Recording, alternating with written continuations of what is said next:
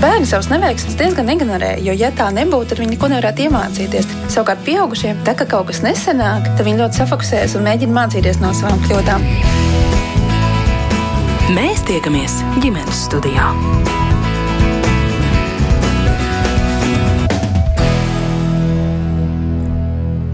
Labdien, rādījums ģimenes studijā sāk savu skanējumu. Jūs sveicināta producenta šoreiz Liena Vīmba, mans vārds ir Agnese Linka.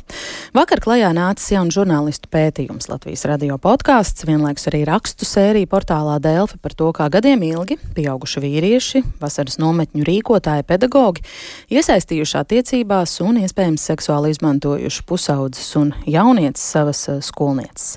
Šodien redzījumā panalizēsim šī pētījuma ar nosaukumu Līdera apskāviens atklājumus par šo sistemātisko, mūsuprāt, organizācijā KID vērojamo jauniešu izmantošanu. Un sarunas dalībniece šoreiz būs kolēģi no portāla Delfi. Gribu teikt pētījuma vadošā žurnālista Olga Drageļeva. Labdien, Olga! Labdien, bet eh, mums bija diezgan vienlīdzīgas lomas, mums prāt. Labi, pēc tam varēs arī Ar pārējiem kolēģiem dot godu, protams. arī centrs Dārdedze psiholoģi Madara Grandāna šodien kopā ar mums ģimenes studijā. Labdien, Madara! Labdien! Un attālināt mums pievienojas um, arī centrs Marta jaunatnes programmu vadītāja Madara Mazjāna. Sveicināt, Madara! Labdien! Kā alaži arī jūs klausītāji esat laipni aicināti pievienoties mums sarunā. Ja nu ir kas eh, sakāms, rakstiet ģimenes studijai, kā alaži no Latvijas radio mājaslapas, bet šoreiz mēs eh, sāksim eh, raidījumu un sarunu ar tādu īsu ieskatu pētījuma līdera apskāviens saturā. Tie būs daži fragmenti izkopēti no visām sešām podkāstu sērijām, lai tā koncentrēti ilustrētu tajā dzirdamo tiem, kas vēl nav pagavuši līdera apskāviens sešas sērijas noklausīties. 2017. gada pavasarī man ir vēl 16. Maijā man paliks 17 gadi. Un uh, pavasarī notika trīs tikšanās. Viena no tām vai divas notika seks. Bija tā situācija, kad es teicu, apstājies, man sāp. Viņš aizspiež muti ar rokām un saka, ļauj man pabeigt. Mēs pat nerunājam, jo man šķiet, ka tur visu varēja dzirdēt. Tas bija tiešām tuvu. Kā, nu, es priedēm, tas bija tuvu mūsu kopējai vietai, kur viss palika. Ļoti ātri tā kā viss notika. Vienvārds sakot, jums ar viņu bija seksuāls attiecības tajā mežā, tajā spriedēs, tuvu vietai, gulēja pārējie. Ja? Jā, tas bija ātri. Mēs aizgājām, tādi sāk kaut kas slikti justies. Man šķita, ka viņš bija izšķiņķi dīvaini uzvedas.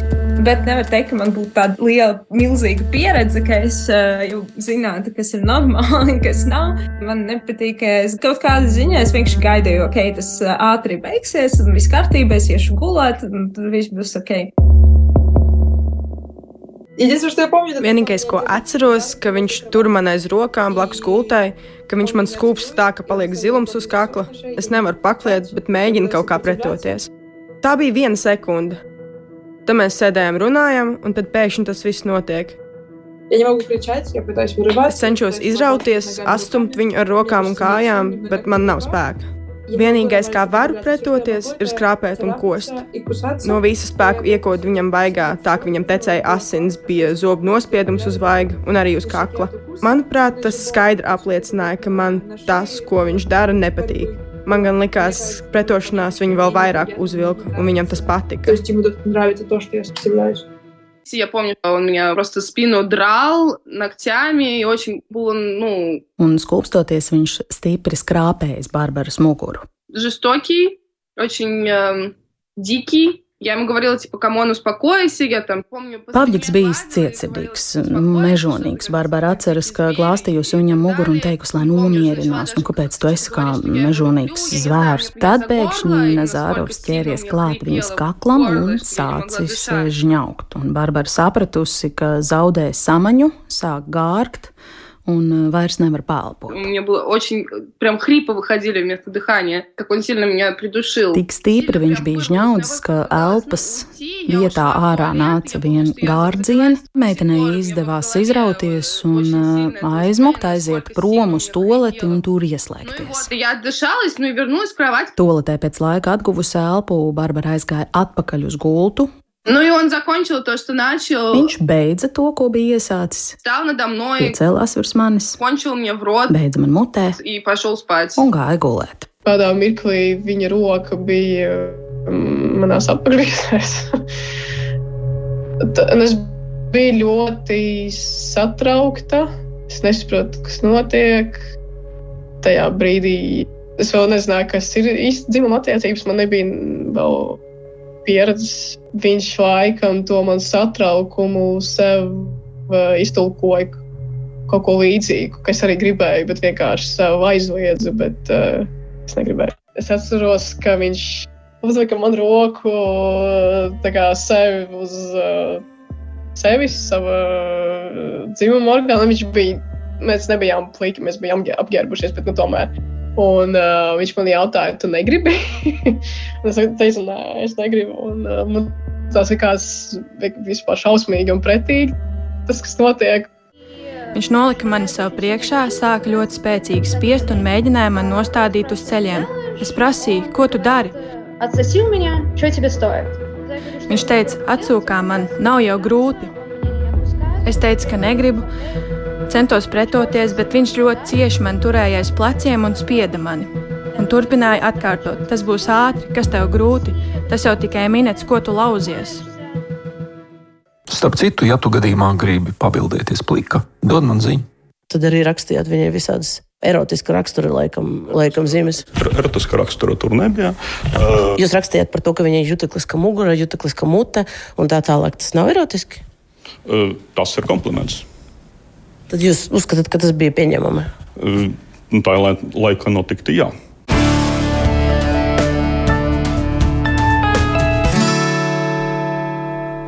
Tātad šie tikai daži fragmenti no podkāsta līdera apskāviens sērijām. Visu stāstu pilnā garumā jūs varat klausīties Latvijas radio podkāstā, dokumentārijas, visur tur, kur parasti klausāties podkāsts, arī Latvijas radio mobilajā lietotnē, portālā Delfi, pētījums rakstu sērijas formātā un podkāsta transkripta atrodam portālā LSM. Bet, Olga, es gribu sarunu iesākot vērsties pie tevis un īsumā lūgt, lai tu izstāsti, kā šis stāsts nonāca pie tevis.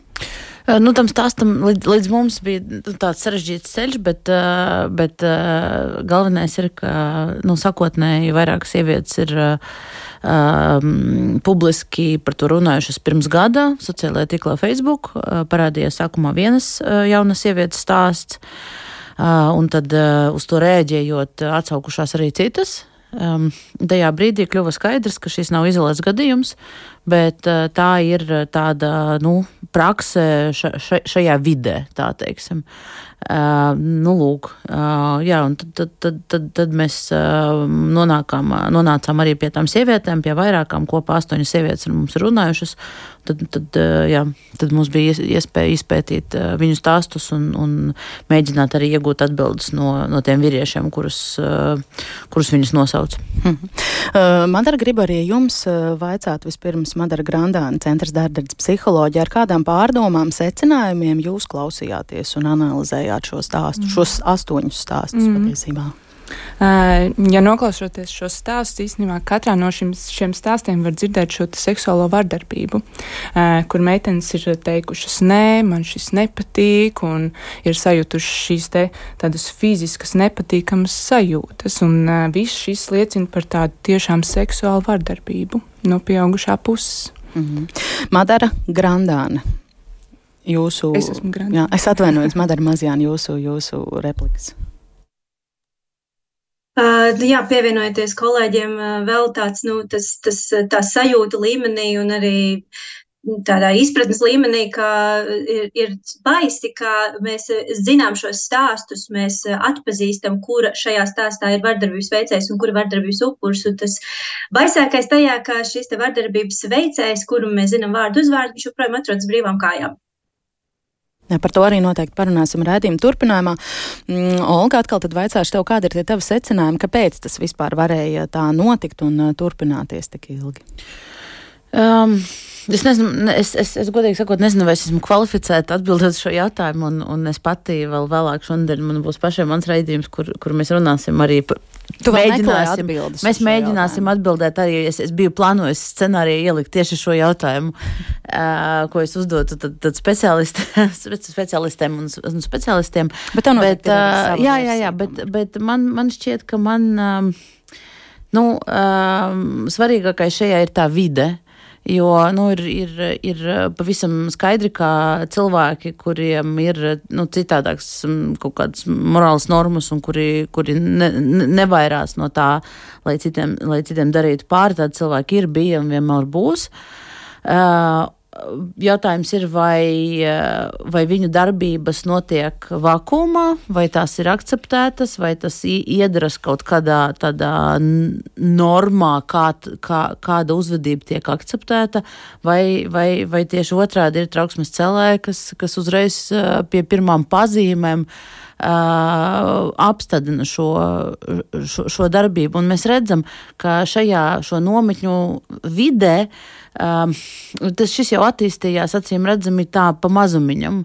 Sākumā mēs redzam, mēs arī, arī aprakstījām, ka tā saskarsmes kultūra bija tāda diezgan īpatnējā, kur ļoti cieņā bija šis tuvs fiziskais kontakts un, un tādas ļoti brīva atmosfēra. Un es arī zinu cilvēkus, kuri par šo nometni runā. Es arī pati biju tajā nometnē, bet vēl pirms visiem aprakstītiem notikumiem, vēl kad es skolā, skolā mācījos.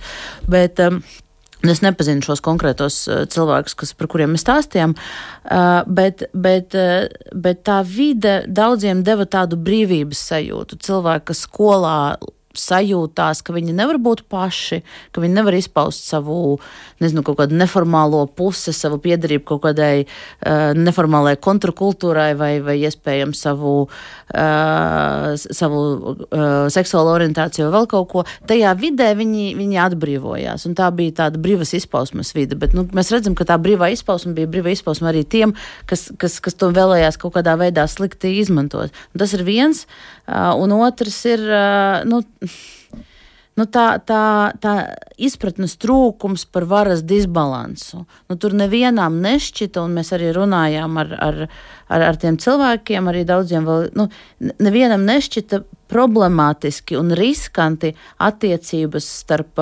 pieaugušu vīrieti, nobriedušu ar va varas pozīcijām un kādu uh, nu, teiksim, tā, tādā neformālā šajā struktūrā pakļautībā esošo jaunieti. Tas, tas, nebi, tas, tas, eh, tā izpratne par, par eh, tādu aktīvu, pilnu, sub, nu, patiešām informētu piekrišanu, man šķiet, ka tajā vidē nav un nebija. Un, un, un, Nu, jā, es redzu, tur, tur nu, tā, tā ir tāda komplicēta, komplicēta lieta, protams, kāpēc mm -hmm. tas tā bija iespējams. Mm -hmm. Kā jūs man teiktu, vai, vai, piemēram, mēs varam mest akmeni tikai šīs vienas ļaunās, tumšās organizācijas dārziņā, vai arī, kā piemēram, kāds mūsu klausītājs jau raksta, ka nevajag būt naiviem un pētīt tikai vienu organizāciju. Vai, mm -hmm. tas ir, vai tā ir tāda izplatītāka norma sabiedrībā? Nu, noteikti tas ir kaut kāds sabiedrības tāda nostāja, nu, kur ir bijuši pieauguši pieaugušie šajā nometnē, kur ir bijuši citi pieaugušie, kas to ir pamanījuši, ka šis nav īsti labi, ka šis pārkāp kaut kādas robežas. Bet, ja atbildot arī varbūt uz pirmo jautājumu, ko jūs pavaicājāt Olgai, kāpēc šī informācija tikai tagad nonāk, tad bieži vien ir tā, ka jaunieši vai bērni viņi nedalās ar šo informāciju. Viņi nelabprāt dalās ar šo informāciju, jo viņi diezgan daudz izjūt tādu vainas sajūtu, bailes par to, ka viņi paši ir iesaistījušies kaut kādā veidā šajās attiecībās. Un droši vien, ja mēs noklausītos visu šo meiteņu stāstu tādā pilnā garumā, tur varētu arī redzēt, ka tās attiecības tiešām ir veidojušās. Tas fiziskais kontakts un arī tādas emocionāli tuvas šīs attiecības. Kaut kādā ziņā arī iespējams, varbūt šis, šī jaunieta ir kaut kā mēģināta izcelt, un varbūt kāds kompliments, kas tajā mirklī varbūt tam bērnam, tam jaunietim ir bijis ļoti, ļoti svarīgs, un tādas emocionāli tuvas attiecības tika veidotas, un līdz mirklim, ka tas nonāca kaut kādā ziņā tādā uh, seksuālā vardarbībā, un, un šeit mēs varam uh, saskatīt to, ka bērnam ir bail dalīties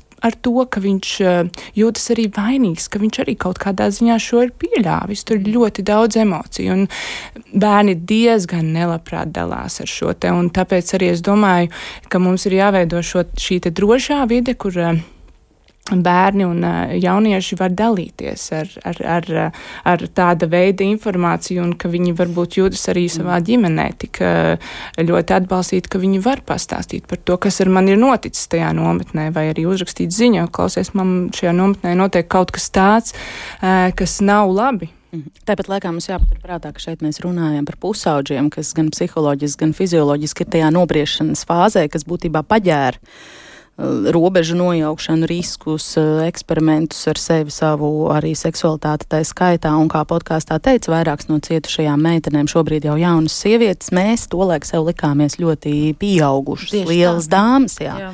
Tikai tagad sapratām, ka bijām bērni patiesībā. Un, un, un, un eh, ja es drīkstu piebilst, man šķiet, ka arī svarīgi vairākos, vairākos šajos stāstos tur atkārtojas šis moments, ka mm, iesaistot šis pusaudzes eh, jaunietes, tur 16, 17, 18, 19, tur nu, vairāk tie vecumi bija.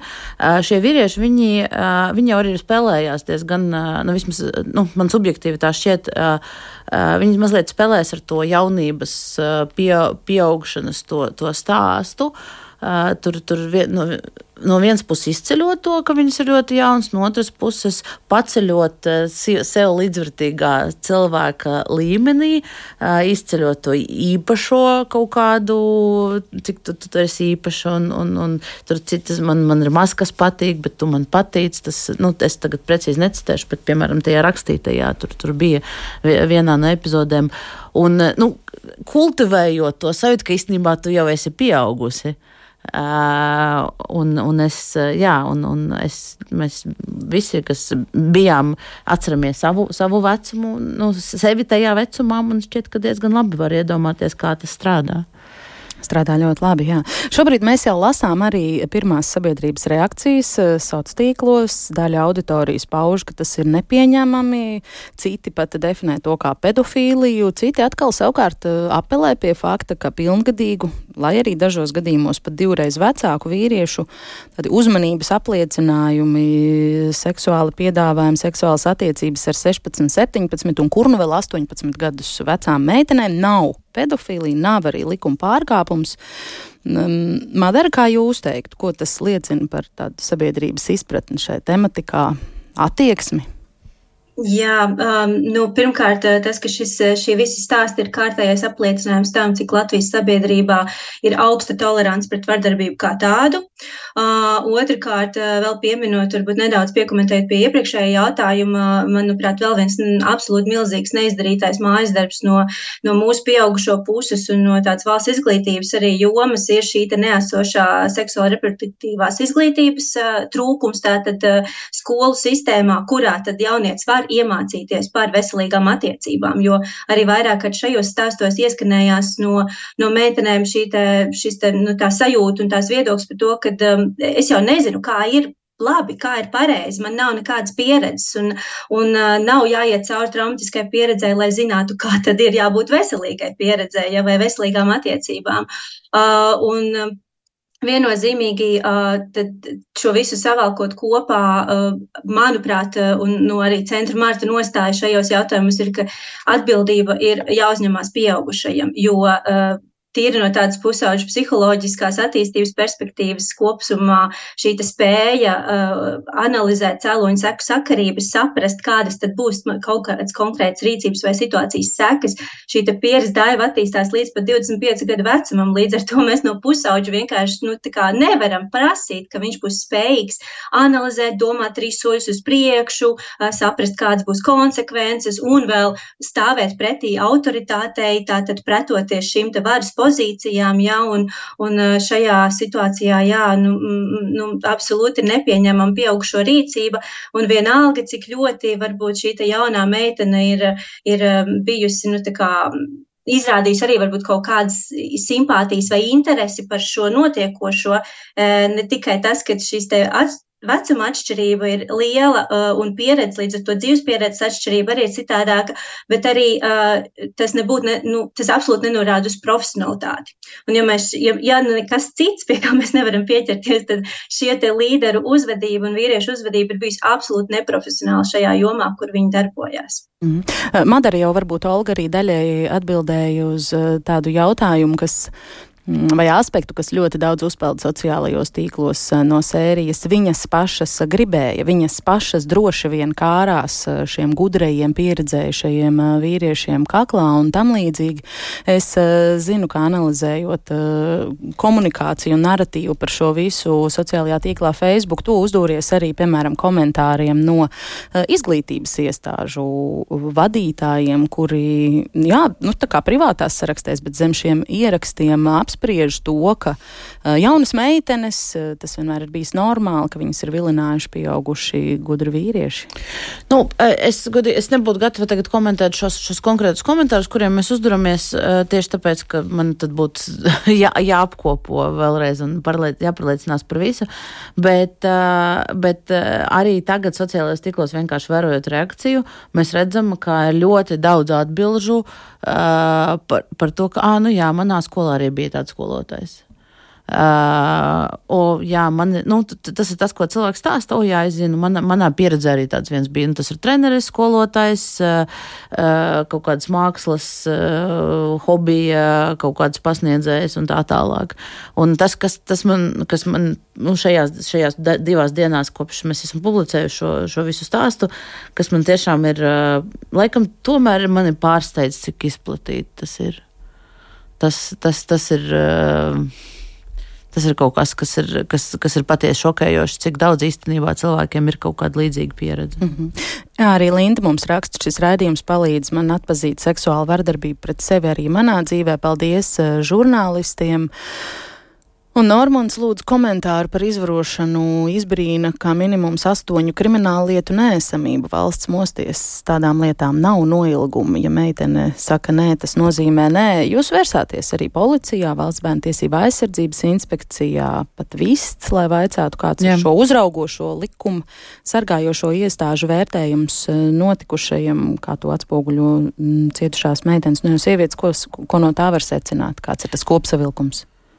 Um, kopsavilkums ir uh, arī šajā gadījumā nepārsteidzošs. Mēs jau redzējām uh, pēc pētījuma par ārstu Jevgeniju Nikiferenko, arī tur līdzīgi veselības inspekcija rēģēja un Latvijas ārstu, uh, Latvijas ārstu biedrība, biedrība jā, kā organizācija, kas, kas apvieno uh, ārstus. Um, um, es pat nezinu, kā to definēt, bet, bet pēc būtības uh, tā. tā tā stratēģija laikam ir vismaz no valsts izglītības satura centra un valsts bērnu tiesība aizsardzības inspekcijas ir nu, drīzāk nerīkoties.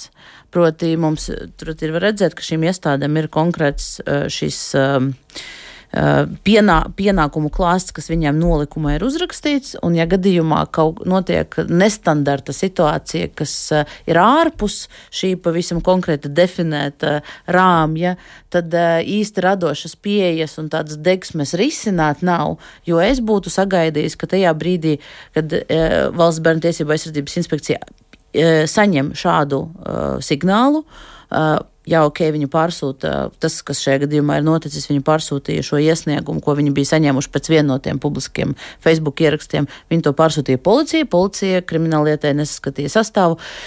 Tur tālāk, eh, nu, policija vairāk nesniedz informāciju, tāpēc mums ir grūti vērtēt, kādi bija viņu eh, šie argumenti.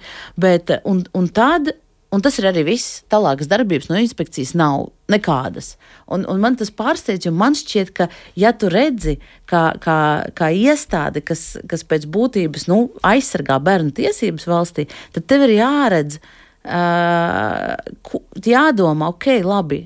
Kriminālietas nav, ko mēs vēl varam darīt. Mēs varam paskatīties, uh, papētīt, kas tā bija par nometni, kas tur ir braucis. Varbūt mēs varam uh, izplatīt kaut kādu uzsaukumu visiem, kas tajā nometnē ir braukuši, ka, lūk, mums ir tāda signāla, lūdzu, ziņojiet mums, varbūt kāds var nākt klājā ar vēl kaut ko, kas tālāk, nu, pierādīs kaut kādas citādas detaļas, varbūt to cietušo ir vairāk, vai vēl kaut kas. Nu, bet neviens to nav darījis. Un tas, ir, un, un tas, tas man patiesi ir, ir, izbrīna un, un laikam sadusmo, jo Jo eh, nu, nevar būt tā, ka eh, šis notiek, un dēļ tā, ka tas iekrīt kaut kādā tādā. Mm, kategorija, kas īstenībā vēl laikam pa vēlu izmeklēt, vai vēl kaut kas, nezinu, kādi ir tie policijas argumenti, bet tad nekas, nu tā kā nav neviena, kuram, kuram, kuram šī ir atbildība. Tas tā nevar būt. Tas ir, jā, tāds ir mans secinājums. Bet uh, valsts izglītības satura centrs arī mums atbildēja, neskatoties uz to, ka viņi ir tie, kas uztur uh, vasaras nometņu datu bāzi, certificē direktorus un vadītājus uh, un uh, tur visu kopā to sistēmu. Um, Viņi arī neko nevar darīt. Uh, Dmitrijam Bočuram joprojām, nu, laikam, es nezinu, uh, faktiski, cik liels viņam ir iespēja šobrīd sarīkot kādu nometni, laikam, ka ne, neliels, bet jebkurā gadījumā šis stāsts nav pamats atņemt certifikātu. Uh, un man šķiet, ka uh, tas, ir, tas ir kliedzoši. Un, un, uh, Un um, šī certifikāta atņemšana būtu vismaz simbolisks solis, lai parādītu, ka nu, šo mēs netolerējam. Uh, pat signālus par kaut ko tādu mēs netolerējam, bet nē. Mm. Uh, jā, un, jā, tas, tas ir man emocionāli atbilde.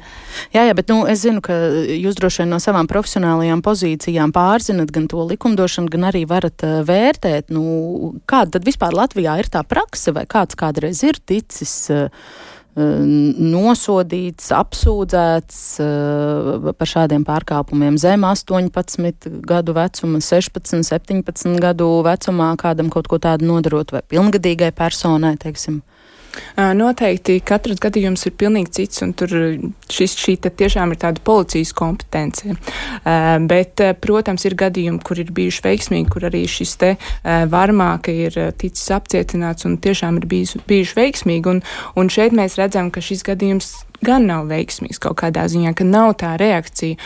Tāpēc ir ļoti labi, ka šis parādās tādā tādā, tādā sociālā vidē, ka šīs sievietes ir tik drosmīgas un gatavas runāt par to, lai kaut kas mainītos. Un, un man liekas, ka šis ir ārkārtīgi būtiski. Tomēr pastāstīt par šo, ka kaut kas tāds notiek, un iespējams tad mēs arī varam redzēt šīs kaut kādas izmaiņas. Un es domāju, cerams, ka ši, šī interese un, un, un noteikti arī tāda policijas iesaiste turpināsies. Varbūt tas vēl varētu notikt. Tā kā uz šo noteikti cerēsim. Mm -hmm.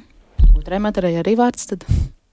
Jā, um, nu, es pati esmu gājusi nometņu vadītāju apmācības, un varu teikt, ka uh, šajā apmācību kursā nav ne vārda par, uh, par um, uzvedību, kas nebūtu pieļaujama uh, teiksim, darb, strādājot kopā ar ar nepilngadīgajiem, un respektīvi vispār par šo tēmu kā vardarbību kā tāda, ka tas var būt ne tikai nometņu dalībnieku starpā, bet kad šīs attiecības var būt ļoti neveselīgas arī dažādos līmeņos, un tad kur vērsties, par kur to ziņot, tā kā šis, vismaz manā redzeslokā tas nav nonācis, kas tad ir tā konsekvence šādai rīcībai, un, un es domāju, ka tas ir arī vēl viens solis, kas, ļoti būtu svarīgi sakārtot, un šie gadījumi ļoti spilgti to izgaismo gaismo.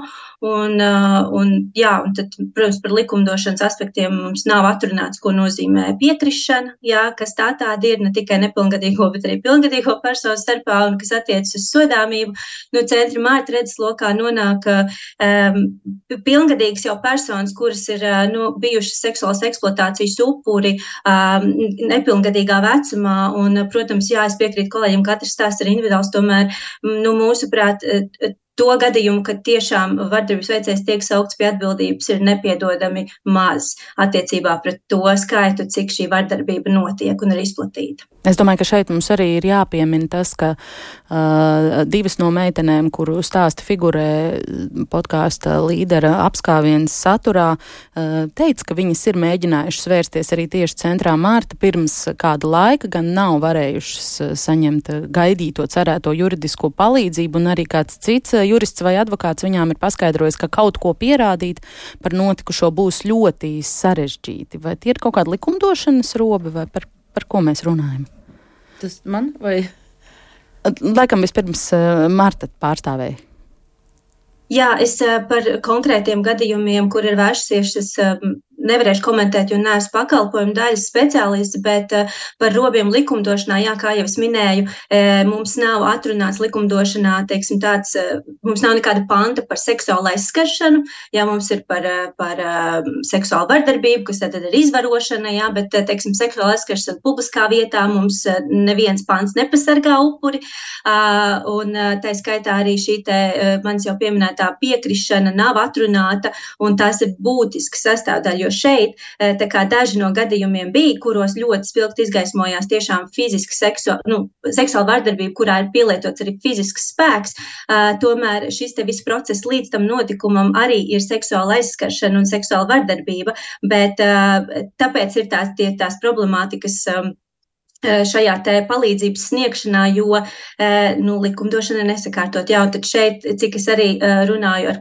kolēģiem un jums speciālistiem, ko tad varētu darīt, tad šeit varētu tātad, rakstīt iesniegumu tieši par bērnu pornogrāfiju, tajos gadījumos par bērnu pornogrāfijas, satura radīšanu un izplatīšanu, tajos gadījumos, kur tad meitenēm tika likts vai lūgts sūtīt bildes vai filmēties vai kā citādi.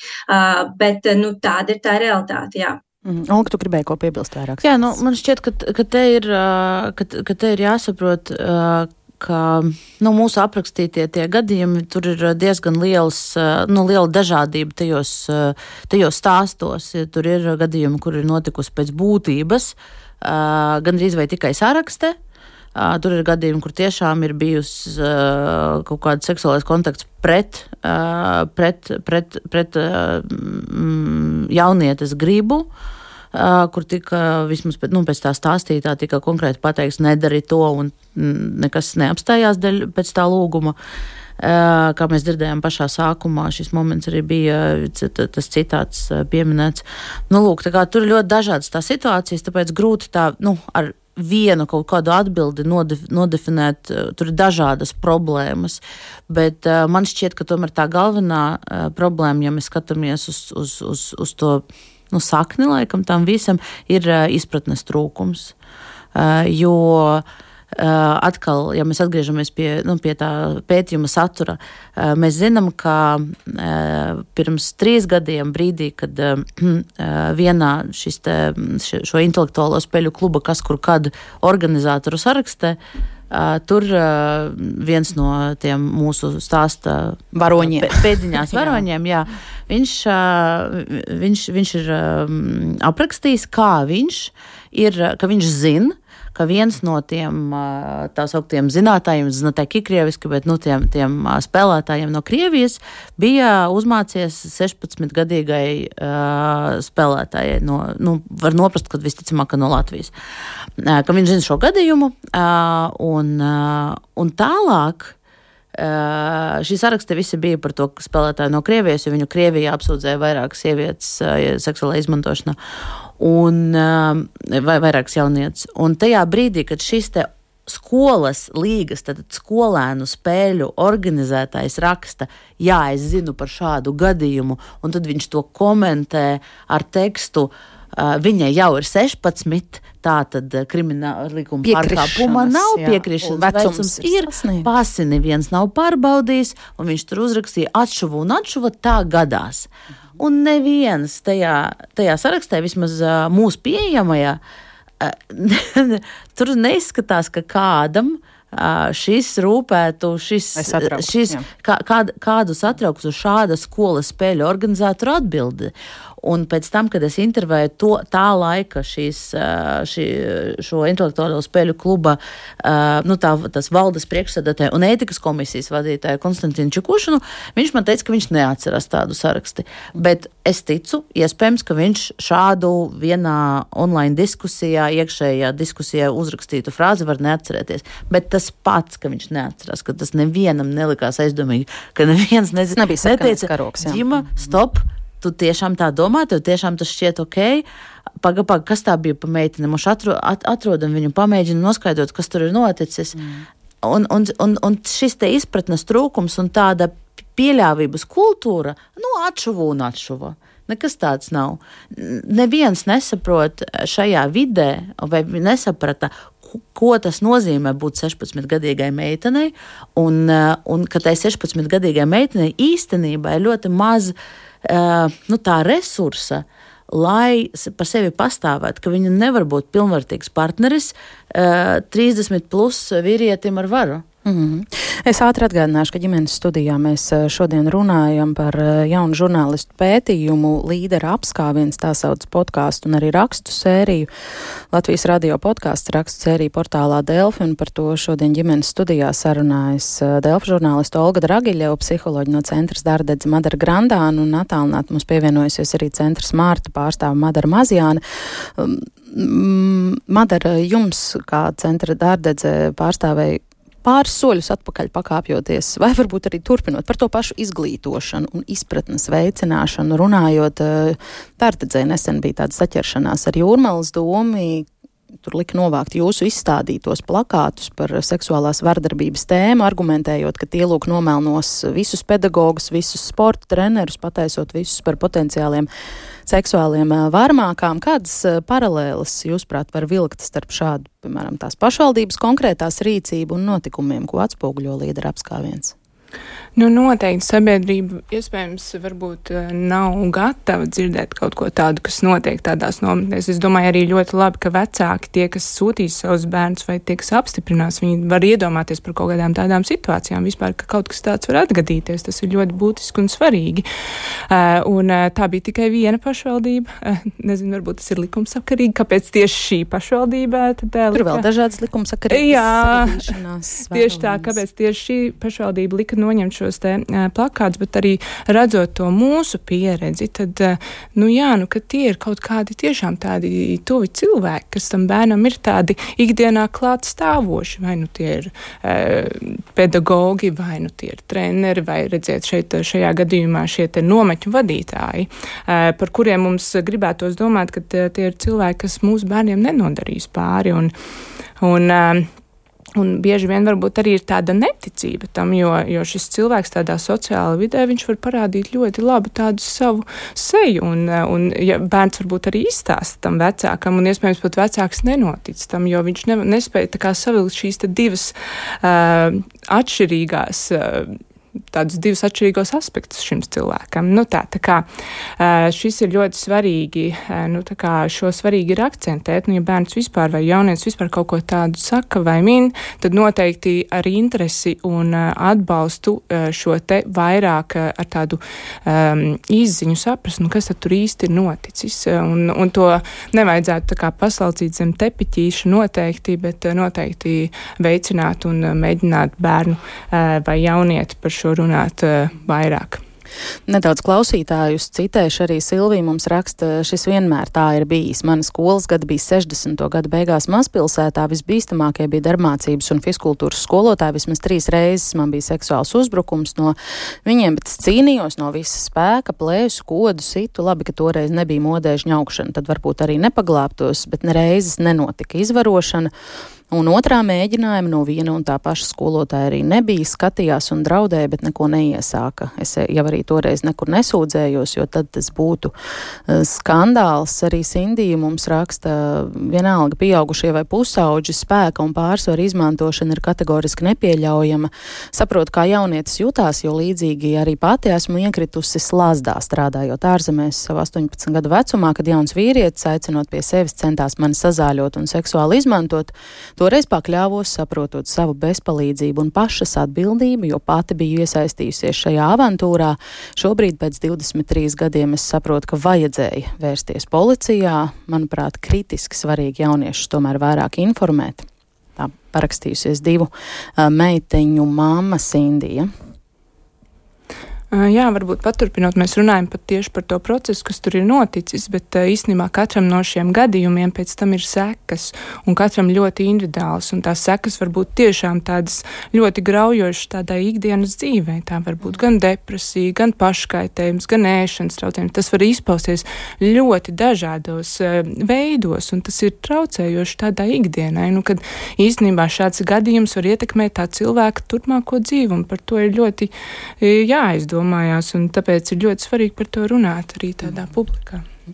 Es domāju, ka šis būtu arī īstais brīdis piebilst un akcentēt, ka tādus tiešām būtiskus skaidrojumus podkāstam līdera apskāviens sniedz arī pedagoģi un platformas uzvedība LV vadītāja Līga Bērziņa par to, kas ir seksuāla vardarbība, cik dažādas ir tās sejas, kāpēc to ir grūti atpazīt un kāpēc upuri nereti nāk atklātībā tikai daudzus gadus vēlāk, kā tas notika arī šajā gadījumā. Lūk, Līgas Bērziņas skaidrojums paklausīsimies dažos fragmentos. Tad, kad ar mums notiek šausmīgas lietas, mūsu psihe nespēja to pieņemt. Tajā brīdī, tad, kad kāds uz tevi ir kliedzis, publiski pazemojas, cilvēki iet mājās un viņi domā, nākamajā reizē, kad es viņu satikšu, es viņam pateikšu to.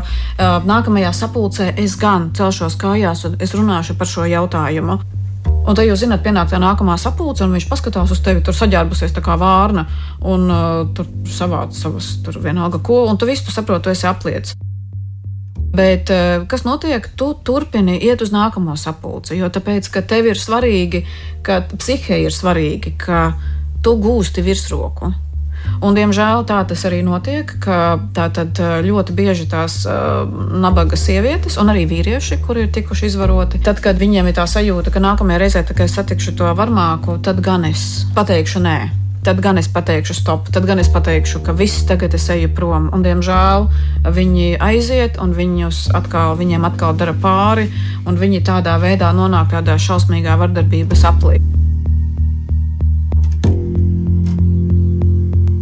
Tas, ka cilvēki sāk runāt par vardarbību tikai pēc eh, desmit gadiem, divdesmit gadiem, arī ir saistīts ar to, ka nereti ir vajadzīgs laiks un ir vajadzīga milzīga notikumu gravitācija, lai tu atkāptos un tiktu ārā no šīm sociālajām saitēm un tu justos pietiekami droši, lai tu varētu sākt runāt par to, kas ir noticis. Un parasti un ļoti bieži sāk runāt um, cilvēki tikai tad, kad viņi jau ieiet citajos sociālos apļos, tad, kad viņi jūt, ka cita tā sociālā vide viņus sargā un ka viņu identitāte vairs nav atkarīga no tās vietas un vidas, kurā viņi atrodas. Seksuālā vardarbība var notikt gan pēc tā, kā pieskarās, arī kā skatās, arī fiziskā distance.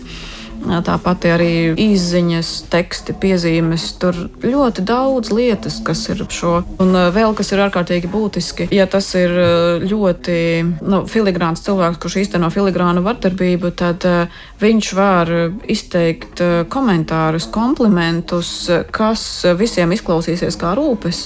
Un tu būsi vienīgais cilvēks, kas sapratīs, ka šajā brīdī tā ir vardarbība pret tevi. Un, un tu jutīsies izsist no sliedēm, un, protams, ka tas cilvēks redz, ka tu esi izsist no sliedēm, un citi tur tu vēlēsies pie palīdzības pie citiem, un citi teiks, ah, tas ir sīkums, viņš tā gribēja tikai labu, tu redzi, cik viņš ir labs cilvēks un tam līdzīgi. Vardarbība nenotiek visu laiku. Tur ir ārkārtīgi daudz notikumu, tur ir dažādi pasākumi, un tā vardarbība var ilgt tikai dažas sekundes vai dažas minūtes.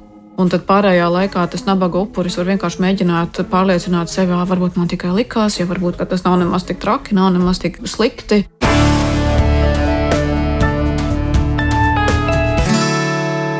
Tālāk pedagoģa un platformas uzvedība LV vadītāja Līga Bērziņa vai kaut kas, ko jūs gribētu viņas teiktajā akcentēt, pasvītrot? Madara? Jā, es gribētu akcentēt šo te acu liecinieku efektu un tā nospiedumu uz upura sajūtu, respektīvi to, ka jā, ar mani kaut kas notiek, vienalga, vai tas ir nometnē, vai tas ir sabiedriskajā transportā, vai tas ir darba vietā, un neviens no apkārt esošajiem neko nesaka par to. Visi var, varbūt kāds nosodoši paskatās, varbūt kāds ir pamanījis, ka notiek šī vardarbība vai šie nepiedienīgie komentāri vai jebkas cits, kas man kā upurim jūtas ļoti, ļoti neērti un ļoti nepatīkami, bet neviens man apkārt esošais otrais nu, nesignalizē, ka tas, kas notiek, nav ok. Protams, ka mana pirmā sajūta var būt, ka ar mani kaut kas nav kārtībā, jo man vienīgajai liekas, ka šī darbība nav pieņemama. Jo visiem apkārtējiem, acīm redzot, tā ir pieņemama, jo neviens neko nesaka. Un it īpaši pusauģu vecuma posmā, kur ļoti nu, šīs te, um, uh, sociālās prasmes ir ārkārtīgi nu, lielā tādā attīstības procesā, uh, es jau lasu to, kas ap mani notiek. Es lasu apkārtējo cilvēku rīcības. Un, uh, Un atkal, ja neviens par mani neiestājas, tā ir milzīga arī slodze nu, man kā upurim, jo tas nozīmē, ka pie visa tā pārdzīvojuma, emocionālā, fiziskā pārdzīvojuma, pie šīs traumas, man ir jāuzņemas atbildība par ziņošanu, man ir jāuzņemas atbildība par palīdzības meklēšanu, man ir jāuzņemas atbildība par šīs stāstu stāstīšanu tālāk, lai tādējādi mēģinot pasargāt varbūt citas meitenes. Un tas ir ārkārtīgi negodīgi, jo arī nu, tādā sarunas narratīvā mēs daudz runājam jā, par šo te, ko vajadzētu vai nevajadzētu darīt vardarbības upurim, bet, manuprāt, mums arvien vairāk ir jāsāk runāt, ko tad vajadzētu vai nevajadzētu darīt vardarbības veicējiem, jā, ka nomainīt šo te arī um, nu, to vārdojumu, kādu mēs lietojam aprakstot vardarbības pieredzes, un tādējādi dodot vairāk, vēl vairāk spēka, cik nu ir iespējams šiem te cietušajiem. Vēl jau vairāk ņemot vērā, ka mēs runājam par pusauģiem, kuri paši tajos savos 16, 17 vai 18 gados varbūt nemaz nesaprot, ka mēs esam upuri. Man, man tas svarīgi, šķiet svarīgi uh, pieminēt vienu atka, nu, tā kā ar kaut kādu cerības staru, staru šajā visā sarunā mazliet gribās. Un, uh, es pievērsu uzmanību šajā stāstā par volejbola treneri, vai ne? Bed, nu, pēdējai, pēdējais tas, tas kolēģu, kolēģu arī veikums, un tur mēs redzam, ka bija, cik saprotu, kaut kāds klubstīšanas sabiedriskā. Cilvēki trolēbusā vienkārši izsauc policiju. Jā, cilvēki trolēbusā izsauc policiju. Man ar to likās policija, jā, un policija atbrauca. Uzreiz paņēma un atbrauca. Mēs daudz dzirdam par policiju arī šajā stāstā, ko viņi neizdara, bet man šķiet, ka tā ir ļoti laba ziņa, ka policija atbrauca un cilvēki ziņoja. Un, un lūk, mēs tagad redzam rezultātu, ka, ka šis stāsts tiek šķietināts tālāk, un, un, un viss vis iet uz priekšu arī, arī tajā tiesību plaksnē. Tāpēc man, man šķiet, ka jā, tiešām, jo šajos arī stāstos, ko mēs izstāstījām, ne visos, bet vairākos, tur tiešām šis, teiksim tā, šo attiecību sākums bija publisks. Nu, proti, tas bija redzams. Uh, mums arī viens, piemēram, no bijušajiem kid līderiem teica, ka viņš redzēja šo nometnes direktoru ar vienu jaunu sievieti. Viņš gan nezināja, cik viņai ir gadu. Viņam, viņš bija domājis, ka viņa ir 19, nevis 17. Bet, nu, jebkurā gadījumā tā vecuma atšķirība un to lomu atšķirība ir redzama. Un viņam, un viņam to laika 20 gadniekam bija aizdomas, vai šis ir ok vai nav, bet visiem pārējiem atkal, at, atkal šķiet ok. Viņš ir cienījams, tur diezgan gandrīz vai pielūgts nometnes direktors, ko te viņš ies, nu laikam tad viss kārtībā. Un tā, tā, tā, tā kolektīvā tāda bezatbildība paļaušanas vienam uz otru, nu kā nu, viens jau neko nesaka, nu tad es arī ko, ko te es, laikam, laikam tā ir, un tad, tad, tad tiešām tam upuram, nu ko, ko tam cilvēkam vēl atliek darīt, ja, ja visi viens uz otru skatās un neviens nerīkojas. Un, uh, jā, man, man šķiet, ka nu, tas tā, tā ir atslēgas lieta, kas būtu jāmaina, lai sabiedrība šos cilvēkus pasargātu. Tā ir tāda, nu, kā Covid laikā mēs runājam par to kolektīvo imunitāti, nu, te arī ir jābūt kolektīvai nulles tolerancei. Mm -hmm. Man ir divi svarīgi punkti, vēl, kurus man gribētos pagūt, apspriest. Es verbalizēšu abus, un tad jūs eh, izvēlaties, kuram par to ir kas eh, vēl sakāms. Šis ir rādījums vecākiem. Eh, ne tik daudz varbūt politikas veidotājiem, bet sabiedrībai un pirmkārt jau vecākiem, vecvecākiem un visiem, kas audzina bērnus, pusauģus, jauniešus, un mēs esam par viņiem atbildīgi. Ko no šī visa dzirdētā jūsuprāt būtu jāizliek aiz auss vecākiem? Tas ir numur viens, un, un jā, tāds apakšpunkts, vai var piekrist erudīcijas spēļu, kas kur kad organizatora Čekušina teiktajam cits starpā, ka nu, jauniešu vidē strādājot, ar pusauģiem strādājot, nu, nav iespējams uzrakstīt tādus noteikumus un definēt tādas uzvedības un attiecību normas, lai tas pilnībā izslēgtu varas disbalansu izmantošanu, seksuālās uzmākšanās riskus. Kurš Madara? Zuma Madara. jā, Zuma Madara. jā, jā, jā nu, tāds aicinājums vecākiem ticiet saviem bērniem. Ja pat, ja jums, jūs esat tikušies ar šiem te līderiem vai vadītājiem, un, nu, liekas, nu, nevar būt, nu, vai tiešām, nu, viņš taču tik forši, un viņš taču jūs tur tā iesaist. Nu, ja jūsu bērns kaut nedaudz uh, kaut, kaut, ir kaut, kaut vai nelielās šaubās par to, ka viņš ir pieredzējis kaut ko, ko viņam viņa vecumā un pie dotās situācijas ne, absolūti nebūtu jāpieredz, kas ir saistīts ar šo te varas attiecībām, ar šo seksuālu aizskaršanu un tā tālāk, vai kādu veidu pazemošanu, ticiet bērniem un, un jautājiet un prasiet viņiem un, un veidojiet šo drošo vīdi sarunas tādam, nu, attīstībai, jo, jā, piekritīšu kolēģiem no dārdētas par to, ka ir ārkārtīgi grūti par šo pieredzi runāt, jo viņa jebkura vardarbības pieredze pavada ārkārtīgi lielu kaunu un vainas izjūta. Un, Līdz ar to palīdzēt pārvarēt uh, bērnam šo sajūtu un, un, un tu, sākt runāt par šo pieredzi, un līdz ar to arī sniegt palīdzību un neapšaubīt. Un, un pat labāk varbūt ir, ir, ja mēs varbūt kā pieaugušie kļūdāmies jau, un beigās tur ir pārpratums. Paldies Dievam, ka tas ir bijis pārpratums, nevis, ka mēs varbūt nepievēršam pietiekam lielu uzmanību, un, un bērns tiešām ir kļūst par, par vardarbības upuri. Jā, bet, nu jā, jā, jāatzīmē gan, ka šeit tomēr runa par pusauģiem un meiteņu stāstos nekur neparādās parādījās. Es gāju, teicu savai mammai, tādas nianses nebija. 17 gadu vecumā mēs neejam pie vecākiem. Diemžēl. Labi, īsi laiks rīt. Uh, nu jā, varbūt es uz otru jautājumu varētu atbildēt. Uh, kas eh, tika minētas saistībā ar, ar, ar šīm robežām. Es domāju, ka noteikti ir tādas vadlīnijas un robežas, kas ir jāievieš ši, šajās nometnēs, zinot to, ka jaunietis vai jaunieši šajā vecumā arī, protams, viņiem veidojās šīs jūtas un tādas romantiskās varbūt idejas par to, kā es varētu varbūt ar savu vadītāju vai, vai vadītājiem arī var veidoties jūtas un ņemt šo tiešām ļoti vērā, jo tā ir tāda profesionālā kompetence un arī noteikti runāt tādā nometņu kontekstā par to, nu, kas ir pie pieļaujama un kas nav pieļaujama. Mm. pieļaujama. Un šis ir pieaugušā eh, tā, tāds atbildības lauciņš noteikti. Un es pieminēšu, ka Dārdedze eh, vada arī nometņu vadītājiem apmācības, kur mēs runājam tieši par šo, eh, ko darīt, ja bērns izrāda jūtas, un ko darīt tad, ja mēs redzam, ka kāds apkārt pieaugušais veido attiecības ar bērnu. Mm, tā nav, ka mums būtu informācijas vakums par šo. Klausītāji arī raksta, jāorganizē mācības nometņu vadītājiem.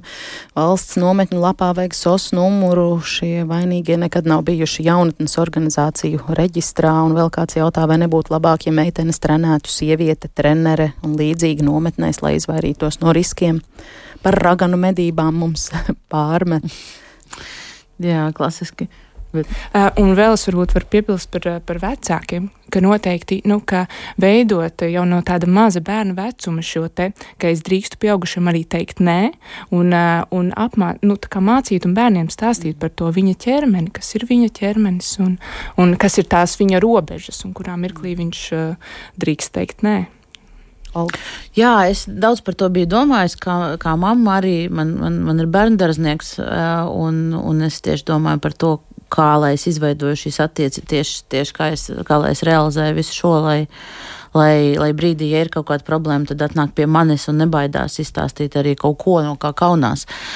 Un, eh, un, eh, bet, bet eh, man šķiet, ka laikam vecākiem tas, tas, tas ko es pati sev laikam, gribētu um, iegūt no šī stāsta, ir šī uzticēšanās savai, uh, savai intuīcijai un tam, ka ja man šķiet, nu tad man nešķiet. Ja kaut kas laikam nav kārtībā, var būt, tad ir jāiet, jārunā, jāparbauda. Un, un es zinu, cik, cik biedējoši tas ir iet un, un mēģināt kaut kā celt savas pretenzijas pret, pret to vai nu izglītības iestādi, vai nu kaut kādu struktūru, jo kā mans bērns tur ir, ko es jau kaut ko tur prasīšu, man jau kāda būs, pēc tam, negribas, kā, kāda būs pēc tam attieksme. Un, bet, bet man šķiet, ka tam, tam ir jātiek pāri, jo spēles ir ļoti nu, tādas smalkas un svarīgas lietas. Mm -hmm. Un likmes ir augstas. Likmes ir augstas, jā. Paldies par sarunu ģimenes studijā. Šodien teikšu kolēģiem no portāla Delfa Olgai Dragiļievai, centrs dārdardzes psiholoģijai Madarai Grandānei un um, centra Mārta jaunatnes programmu vadītāja Madarai Mazjānei, un par rādījumu šodien rūpējās arī Liena Vīmba, pieskaņa pults bija Mārtiņš Paiglis pie mikrofona, es Agnes Linka. Ir sagadījies tā, ka par pusauģiem mēs runāsim arī rīt ģimenes studijā, proti gaidot šī gada labdarības maratonu dod pieci rīt, mēs runāsim par pedagogu un skolas atbildību tieši sarežģītu pusauģu attīstībā. Nu, skolā bērni jaunieši pavada daudz laika, vai skolotāji pamana tādiem potenciāliem riskiem pakļautos jauniešus, kāda ir viņu atbildība un reakcija tajās situācijās. Ja jaunietim rodas uzvedības problēmas, pasliktinās mācību sekmes, ir aizdomas par klaiņošanu, par nelabvēlīgiem apstākļiem ģimenē, varbūt skolas laiks jau ir par vēlu un pirmās pazīmes to pamanīt ir jau pirms skolās un pirmsskolas izglītības iestādēs. Par to tātad ģimenes studijā rīt, kā vienmēr no diviem līdz trījiem. Klausieties mūs arī podkāstos, mobilajā lietotnē un sekojiet ģimenes studijai sociālos tīklos.